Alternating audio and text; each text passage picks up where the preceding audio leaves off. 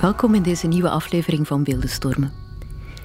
In de vorige aflevering zagen we hoe de beeldenstorm 450 jaar geleden was begonnen in de Nederlanden in die zomer van 1566 en hoe die beeldenstorm zich toen als een lopend vuurtje door de Nederlanden verspreidde. Vandaag zou ik graag eens onderzoeken waarom die protestanten een woede precies tegen beelden richten. Waarom wilden zij zo graag die schilderijen, heilige beelden, altaren, biechtstoelen enzovoort vernielen? Ik ging met mijn vragen langs bij kunsthistoricus Koenraad Jonkheren. Hij kent heel goed de felle discussies die in de 16e eeuw werden gevoerd onder katholieken en protestanten over beelden. En verder was ik ook wel benieuwd naar hoe die meningsverschillen tussen katholieken en protestanten uit de 16e eeuw ook vandaag nog doorleven. En daarom ging ik op bezoek bij een Antwerpse dominee, dominee Dick Woersten, om eens te horen hoe hij als vreemde eend in de katholieke bijt die verschillen ervaart.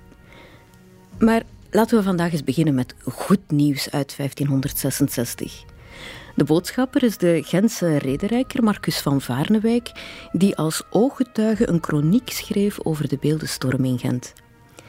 Hij vertelt daarin hoe die Gentenaren erin geslaagd waren om het lam Gods in veiligheid te brengen door het in de nok van de toren van de Sint-Baafskathedraal te hijsen. Dit uitnemende, wonderlijke hemelse altaarstuk, waartegen andere kunstige schilderijen maar bastaards schijnen en lelijk van kleur zijn, was wijselijk van de muur gehaald en met een lier tot boven in de toren gehezen. Twee dagen vooraleer de brekerij gebeurde, en dit was zo door Gods wil geschied. Want het altaarstuk lag zeker in de waagschaal, en het zou onverdraaglijk jammer zijn geweest dat zo'n werk, dat voor de werken van Apelles, Zeuxis nog Parasius moet onderdoen, door de handen van die vuile varkens zou bedorven geweest zijn. Dat het Lam Gods toen gered werd, daar kunnen we vandaag natuurlijk alleen maar gelukkig om zijn. En Koenraad Jonkeren die vertelde mij ook hoe beroemd het Lam Gods in 1566 al was. Het Lam Gods was vanuit haar eigenlijk een, een schilderij wat door Jan en Alleman bewonderd werd. Je moet je voorstellen dat het al aan het eind van de 15e eeuw en de vroege 16e eeuw beschouwd werd als een, een uniek altaarstuk. Een van de allermooiste kunstwerken die te vinden waren in de Nederlanden. Philips II bijvoorbeeld, de koning van Spanje, die was er gek op, die heeft zelfs een kopie besteld. Uh, die wou eigenlijk het origineel kopen, maar daar is er nooit in geslaagd maar liet het al restaureren. Het was echt een van die iconen van de Vlaamse kunst.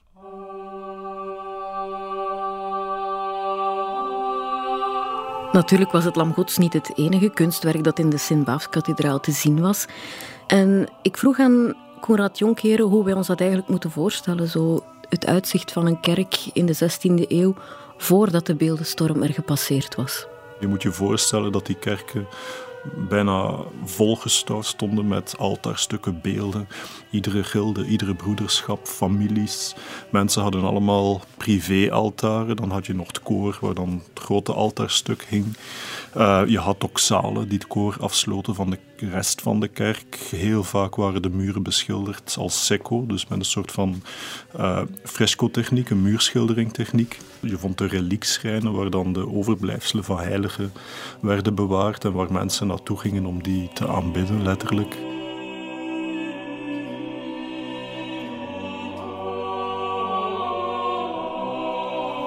Ik zie dit zo voor me. Overal mensen die geknield zitten in aanbidding voor de vele beelden in de kerk. Maar waarom waren die beelden toch zo'n doorn in het oog van de protestanten? In, in vroege christendom, dus dan spreek je over de eerste eeuwen na Christus, krijg je twee dingen die met elkaar moeten versmelten. Aan de ene kant een, een Joodse cultuur waarin in het Oude Testament staat dat je geen beelden mag vereren. De tien geboden, een van de eerste geboden. Het eerste gebod is, gij zult geen beelden maken.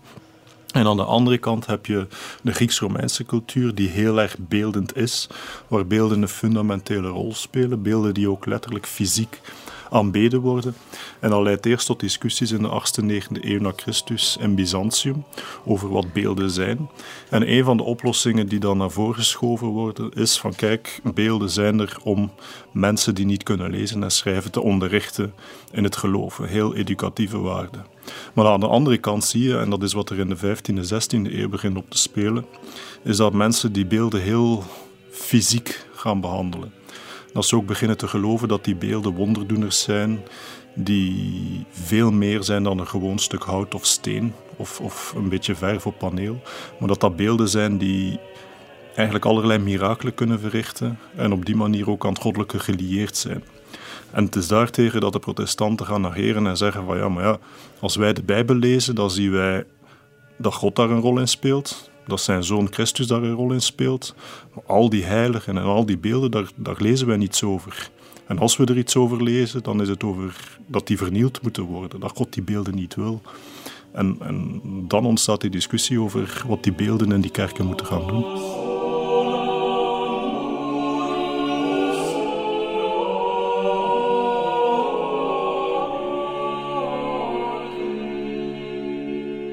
Dit lijkt me een goed moment om er eens een protestantse stem bij te halen.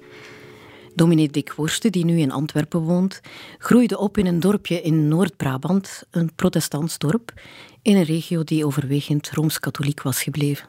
Ik heb mijn uh, lagere schooltijd heb ik doorgebracht in uh, Sprangkapelle. Dus dat is in de zuidelijke Nederlanden, waar mijn vader dan protestants predikant was. De grote dorpskerk was protestants. Als je dan van daaruit naar Waalwijk reed, wat vlakbij was, dan wist je, daar, die kerk, dat is allemaal katholiek. Want hier in Waalwijk zijn ze allemaal katholiek. Denk dat, nou, dat is misschien wel grappig, hè? dus je had daar toch een soort, uh, ja, op zijn Duits gezegd, een onheimisch gevoel bij. Want daar werd afgoderij eh, bedreven. Daar bevond zich uh, de hostie, en die hostie was volgens ons een afgodisch object, waar zij, die zij, dat zij vereerden. Dus dat was iets waar wij voor werden ja, gewaarschuwd, is eigenlijk een te zwaar woord, maar uh, dat was niet kosher, dat was niet in orde en dat, daar hield je je verre van. Maar hoe diep was en is het water vandaag nog tussen katholieken en protestanten? Heel vaak als men gaat kijken naar die beeldenstorm en de discussies daar rond in de 16e eeuw, dan zegt men je hebt aan de ene kant de katholieken en aan de andere kant heb je de gereformeerden, in het bijzonder de Calvinisten. En die Calvinisten zijn tegen beeld en de, de katholieken die zijn voor het beeld. Maar de discussies zijn zeker niet zo eng te interpreteren. Erasmus is zijn hele leven katholiek gebleven en had toch een groot probleem met de manier waarop die beelden functioneerden in de kerk. Terwijl Calvijn zegt, oké, die beelden in kerken, dat kunnen we absoluut niet toestaan, want dat lijkt heel of veel te veel op afgoderij. Maar dat betekent niet dat beelden geen nut kunnen hebben. Eh, Calvijn is daar eigenlijk vrij mild in, in zijn oordeel, zolang dat die beelden eigenlijk niet als af gaan fungeren of dat ze niet aanbeden worden. En datzelfde zie je natuurlijk in de samenleving. Hè. Mensen die in contact komen met die hele discussies, zeker na de beeldenstorm, wanneer iedereen met die beelddiscussie geconfronteerd wordt, dan zie je dat ook daar heel veel mensen een vrij genuanceerde mening erop nahouden, terwijl dat er anderen zijn die heel extremistisch zijn. In die zin is er in de samenleving niet zo heel erg veel veranderd. Dus de eerste keer dat ik een kruisbeeld zag, kan ik me wel herinneren. Maar ik moet zeggen dat dan het effect dat dat op mij had veel minder was dan ik eigenlijk geacht werd te hebben of gedacht had dat ik zelf zou hebben. Hè? Want het was dan een crucifix waar dan Christus aan hing. En dat was dan fout, want het mocht alleen maar een uh, leeg kruis zijn. Maar je ziet dat dan aan en je aanschouwt dat gewoon als een materieel object waar geen, eigenlijk niets meer van uitgaat. Dus ik had ook niet de neiging om te zeggen dat moet nu weg of zo. Dat, is, dat hangt daar en die mensen vinden dat ding in een huiskamer. Die vinden dat blijkbaar gewoon, dus wat maakt dat uit? En er stond ook een Maria-beeldje. Ja, dat zie je dan eigenlijk in één keer zoals je in een museum uh, objecten ziet staan. En je kijkt daarnaar of je het mooi of lelijk vindt, of je probeert te begrijpen wat mensen daar uh, de moeite waard aan vinden. Maar je hebt daar dan geen religieuze reactie meer op. Tenminste, ik had geen religieuze reactie meer op. Als beeldenstorm één iets doet, dan is het ervoor zorgen dat iedereen waar dan ook iedereen visueel geconfronteerd wordt met dat debat. Je kan het niet meer vermijden. Hè. Tot, tot aan de beeldenstorm wordt er gepreekt en in de kerken en buiten de kerken en op platteland, de zogenaamde hagepreken. En er is heel veel commotie en rumoer, maar als je niet wil naar zo'n preek gaan, dan mijd je het gewoon.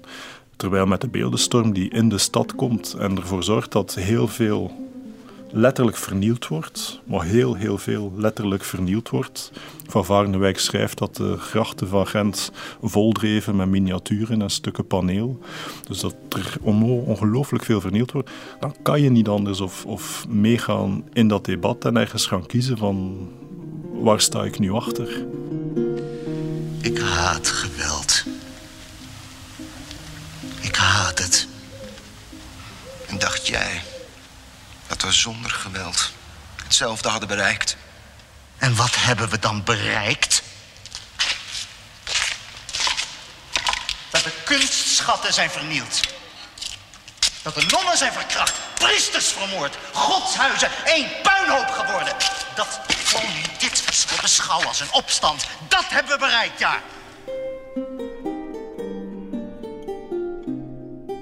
Als, je dus mij, vraagt naar van waar ligt nou de wortel van het uh, verzet, theologische wortel van het verzet tegen beelden, afbeeldingen en ook andere materiële vormen van uh, geloof, dan denk ik dat het uh, zit in de mogelijkheid dat je het kunt misverstaan.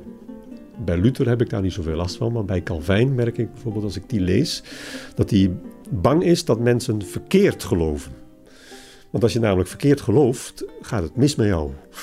En je moet dus weten wat je gelooft. En dat moet dus kloppen in de manier waarop je je geloof onder woorden brengt. En op de manier waarop je je geloof beleeft. En dan moet je de mensen dus bij helpen. Dus als hij uh, bijvoorbeeld in dronkenschap uh, vervalt, dan moet je hem corrigeren. Dan moet je zeggen: jij moet niet meer drinken. Jij moet voortaan alcoholvrij drinken. Als hij te wild danst op een feest, dan moet hij gewaarschuwd worden dat hij dat op feesten niet meer mag doen. Want het is heilzaam voor hem dat hij het niet doet. En als hij naar de kerk gaat, dan moet hij niet afgeleid worden door een beeld waardoor hij denkt: van wat een prachtig beeld is dat. Wie zou dat zijn? En die persoon die spreekt me eigenlijk veel meer aan dan die andere. En voor hij het weet is hij op de heilige Stefanus gericht en niet meer op Christus. En dan vraagt hij zich af, wat doet die heilige Stefanus? Oh, die helpt mij. En dan moet de prediker daar tegen in gaan preken. Dan kan hij beter dat beeld wegdoen. Dan zorg nou gewoon dat er geen enkele foute prikkel meer binnen kan komen bij de mensen die naar de kerk gaan. En uh, ja, dan heb je dus het meest aan een, aan een kale, zuivere ruimte die gericht is op waar maar één ding ligt, dat is het boek.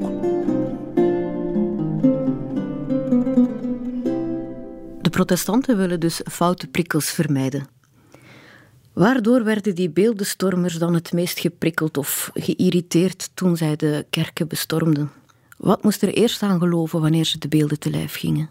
Het gezicht van mensen is altijd het eerste wat aangevallen wordt. Dat is wat de mens een mens maakt. En, zeker als je dan spreekt over beelden waarvan men vermoedt, of mensen die dan gelovig zijn in die 16e eeuw, vermoeden dat er allerlei andere krachten gaan spelen, dan zien ze in dat gezicht een soort van vermenselijking van dat beeld. En wat die beeldenstormers gaan doen, dus, dus het eerste wat ze doen, is dat gezicht wegslaan. Daar zijn ze door gefascineerd. En in die zin zijn beeldenstormers misschien wel geloviger dan de mensen die in beelden geloven. Omdat zij nog in extreme mate overnemen waar die mensen in geloven, namelijk dat, dat, dat die beelden echt mensen zijn van vlees en bloed. En ze proberen die mensen, als het ware, letterlijk te vermoorden. Dus daar zit een hele grote dubbelheid in, in dat iconoclasme. Je kunt natuurlijk aan, aan, eh, IS denken, maar ik denk dat de beelden van die supporters van, uh, was het Feyenoord geloof ik, die in Rome gevoetbald hebben, en dan de Trevi-fontein zijn, zijn, zijn, zijn, zijn eerst ingestapt en dan de andere nog iets meer. En de volgende die klimt op de helft en, dan, en even later is dat één grote chaos. Ik denk dus dat dat qua groepsdynamiek het meest lijkt op een aantal van de eerste spontane, min of meer spontane aangestuurde daden van agressie. En daar zo dus de, uh, zijn die mensen nou bewust bezig geweest? dus ik heb het over die hooligans in, Rome met het vernielen van erfgoed. Nee, er is, een, er is een dynamiek gaande in een groep en dat leidt tot dit. Het is wat uit de hand gelopen. Maar geweld loopt altijd uit de hand als het wordt gebruikt door mensen die er de gevolgen niet van kunnen overzien. En jij weet wel hoe je met geweld om moet gaan? Ja, je moet je nooit laten leiden door blinde drift. Altijd je hersens erbij houden. Dat lijkt me een hele opgave. Er zijn heel veel beschrijvingen van mensen die die beeldenstorm hebben gezien, hebben meegemaakt. En daar komt één constant in naar voren. Dat is dat het een enorme visuele impact heeft gehad. Dat mensen er werkelijk door gechoqueerd waren. Een beetje zoals wij naar de beelden van 9-11 zaten te kijken en, en erdoor gechoqueerd werden. Ja, je ziet dat er een aantal kunstenaars in het kielzog van de beeldenstorm van dat traumatisch beeld als het ware gebruik gaan maken. Iemand als Michiel Coxie die gaat lege nissen schilderen om mensen te confronteren met die trauma's. Of uh, Gilles Mostard, die gaat zo een dorpszicht schilderen met dan in de achtergrond iemand die onthoofd wordt, waarmee hij lijkt te refereren aan de onthoofding van de graven van Egmond en Hoorn. En op die manier probeert hij betekenis te geven aan zijn schilderij maar vooral op een emotionele manier. Hij probeert die mensen emotioneel te raken door dat soort traumatische herinneringen weer, weer te gaan oproepen.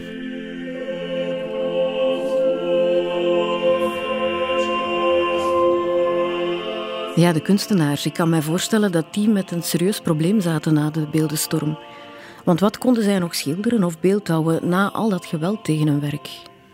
Een kunstenaar, moet je je voorstellen, in de 16e eeuw was iemand die vooral religieuze werken produceert, die christelijke werken produceert. Uh, af en toe is een portret, maar in essentie eigenlijk vooral altaarstukken, devotietaferelen, letterlijk christelijke verhalen in beeld brengt.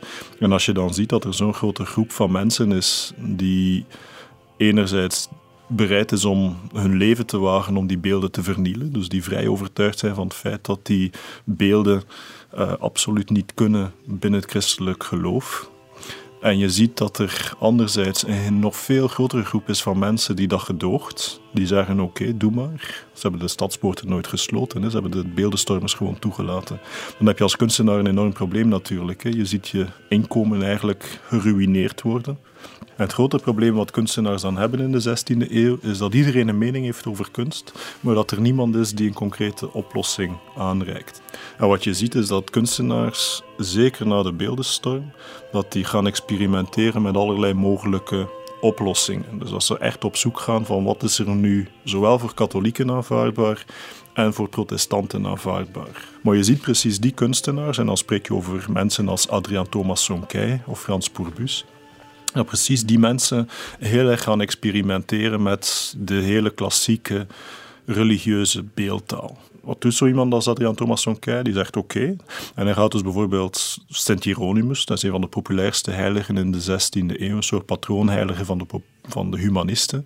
Die gaat hij afbeelden met vieze vingernagels en vuile voeten. En gaat als het ware die heilige, die altijd geïdealiseerd is, gaat hij weer herleiden tot menselijke proporties. Mensen die niet perfect zijn. Borsthaar komt er ook bij. Allerlei dingen die je in eeuwen niet meer op schilderijen van heiligen hebt gezien. En zo zie je dat ze proberen te zoeken naar een oplossing. Of dat dat werkt, is moeilijk in te schatten.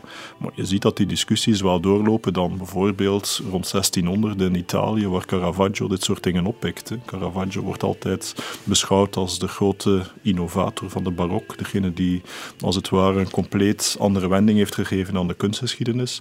Wel, een aantal van die dingen die Caravaggio doet, daar wordt al meer geëxperimenteerd in het kielzog van de beeldenstorm in de Nederlanden.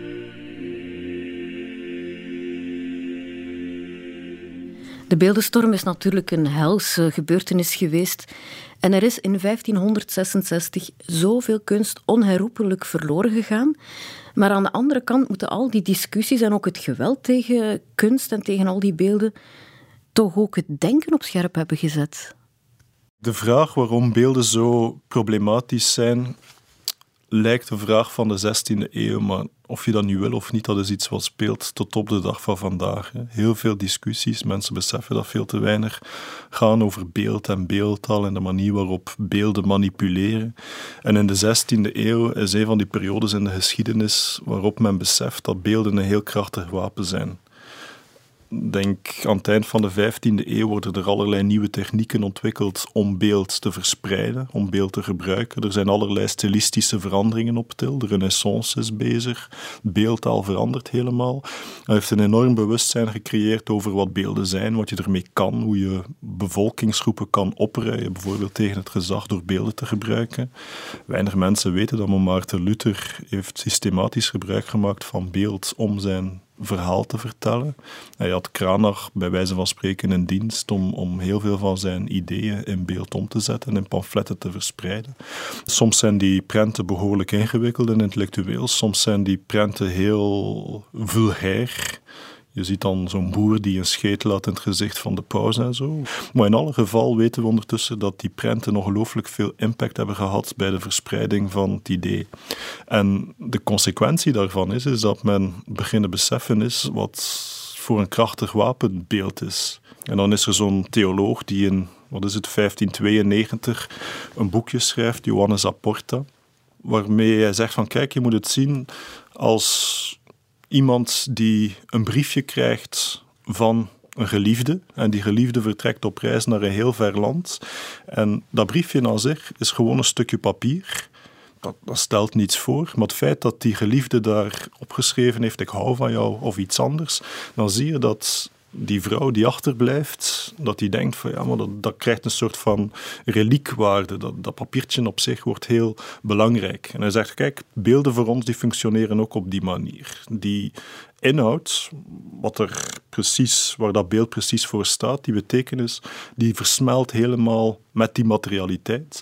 Het is op die manier dat je met beelden moet omgaan. Je moet die materialiteit eren en, en respectvol behandelen, precies omwille van wat er op zo'n beeld staat. En dat, ook dat soort dingen speelt tot op de dag van vandaag. Een, een, een, foto van, van je kinderen bijvoorbeeld is veel moeilijker te verscheuren dan een van die vele digitale beelden die op je iPhone staan. En dan kan je dat enerzijds gebruiken, zoals de katholieke kerkers blijven doen doorheen de eeuwen.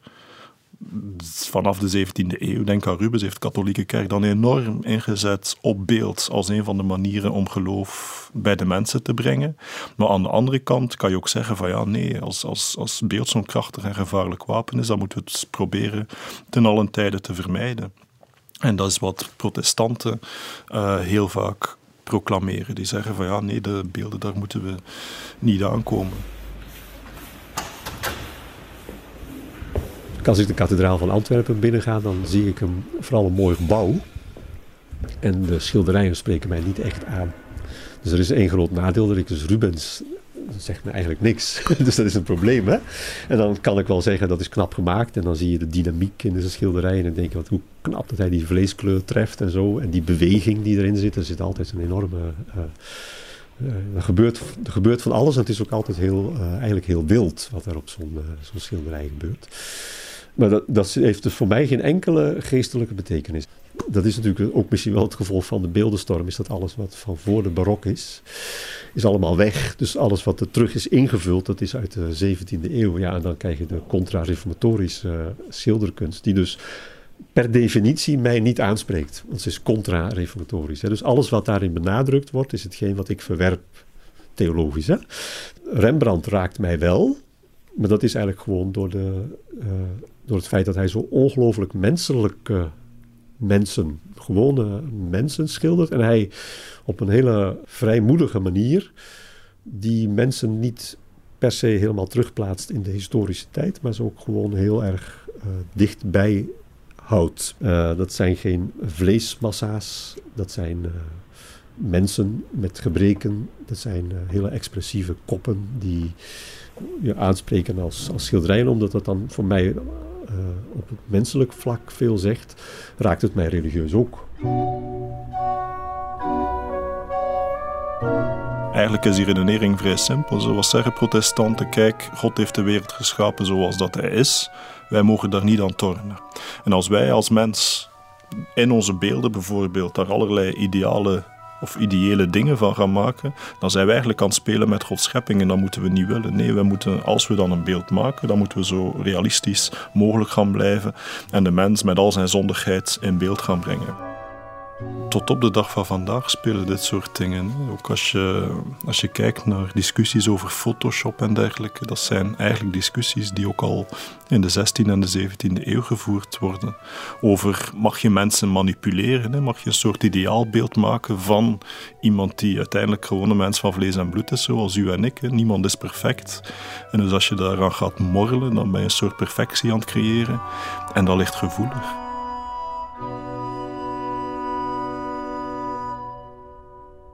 Dit was de tweede aflevering van Beeldenstormen. U hoorde kunsthistoricus Koenraad Jonkheren en dominee Dick Woersten. In de volgende aflevering laat ik twee historici aan het woord, Violet Soen en Yolanda Rodriguez Perez. Zij zullen dan vertellen hoe de Habsburgers in 1566 hebben gereageerd op de beeldenstorm.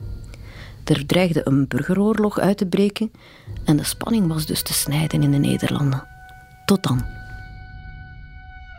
U luisterde naar Beeldenstormen, een productie van Clara. U kan alle afleveringen herbeluisteren via clara.be of u kan zich abonneren op de podcast. Uw vragen of reacties mag u e-mailen naar beeldenstormen.clara.be.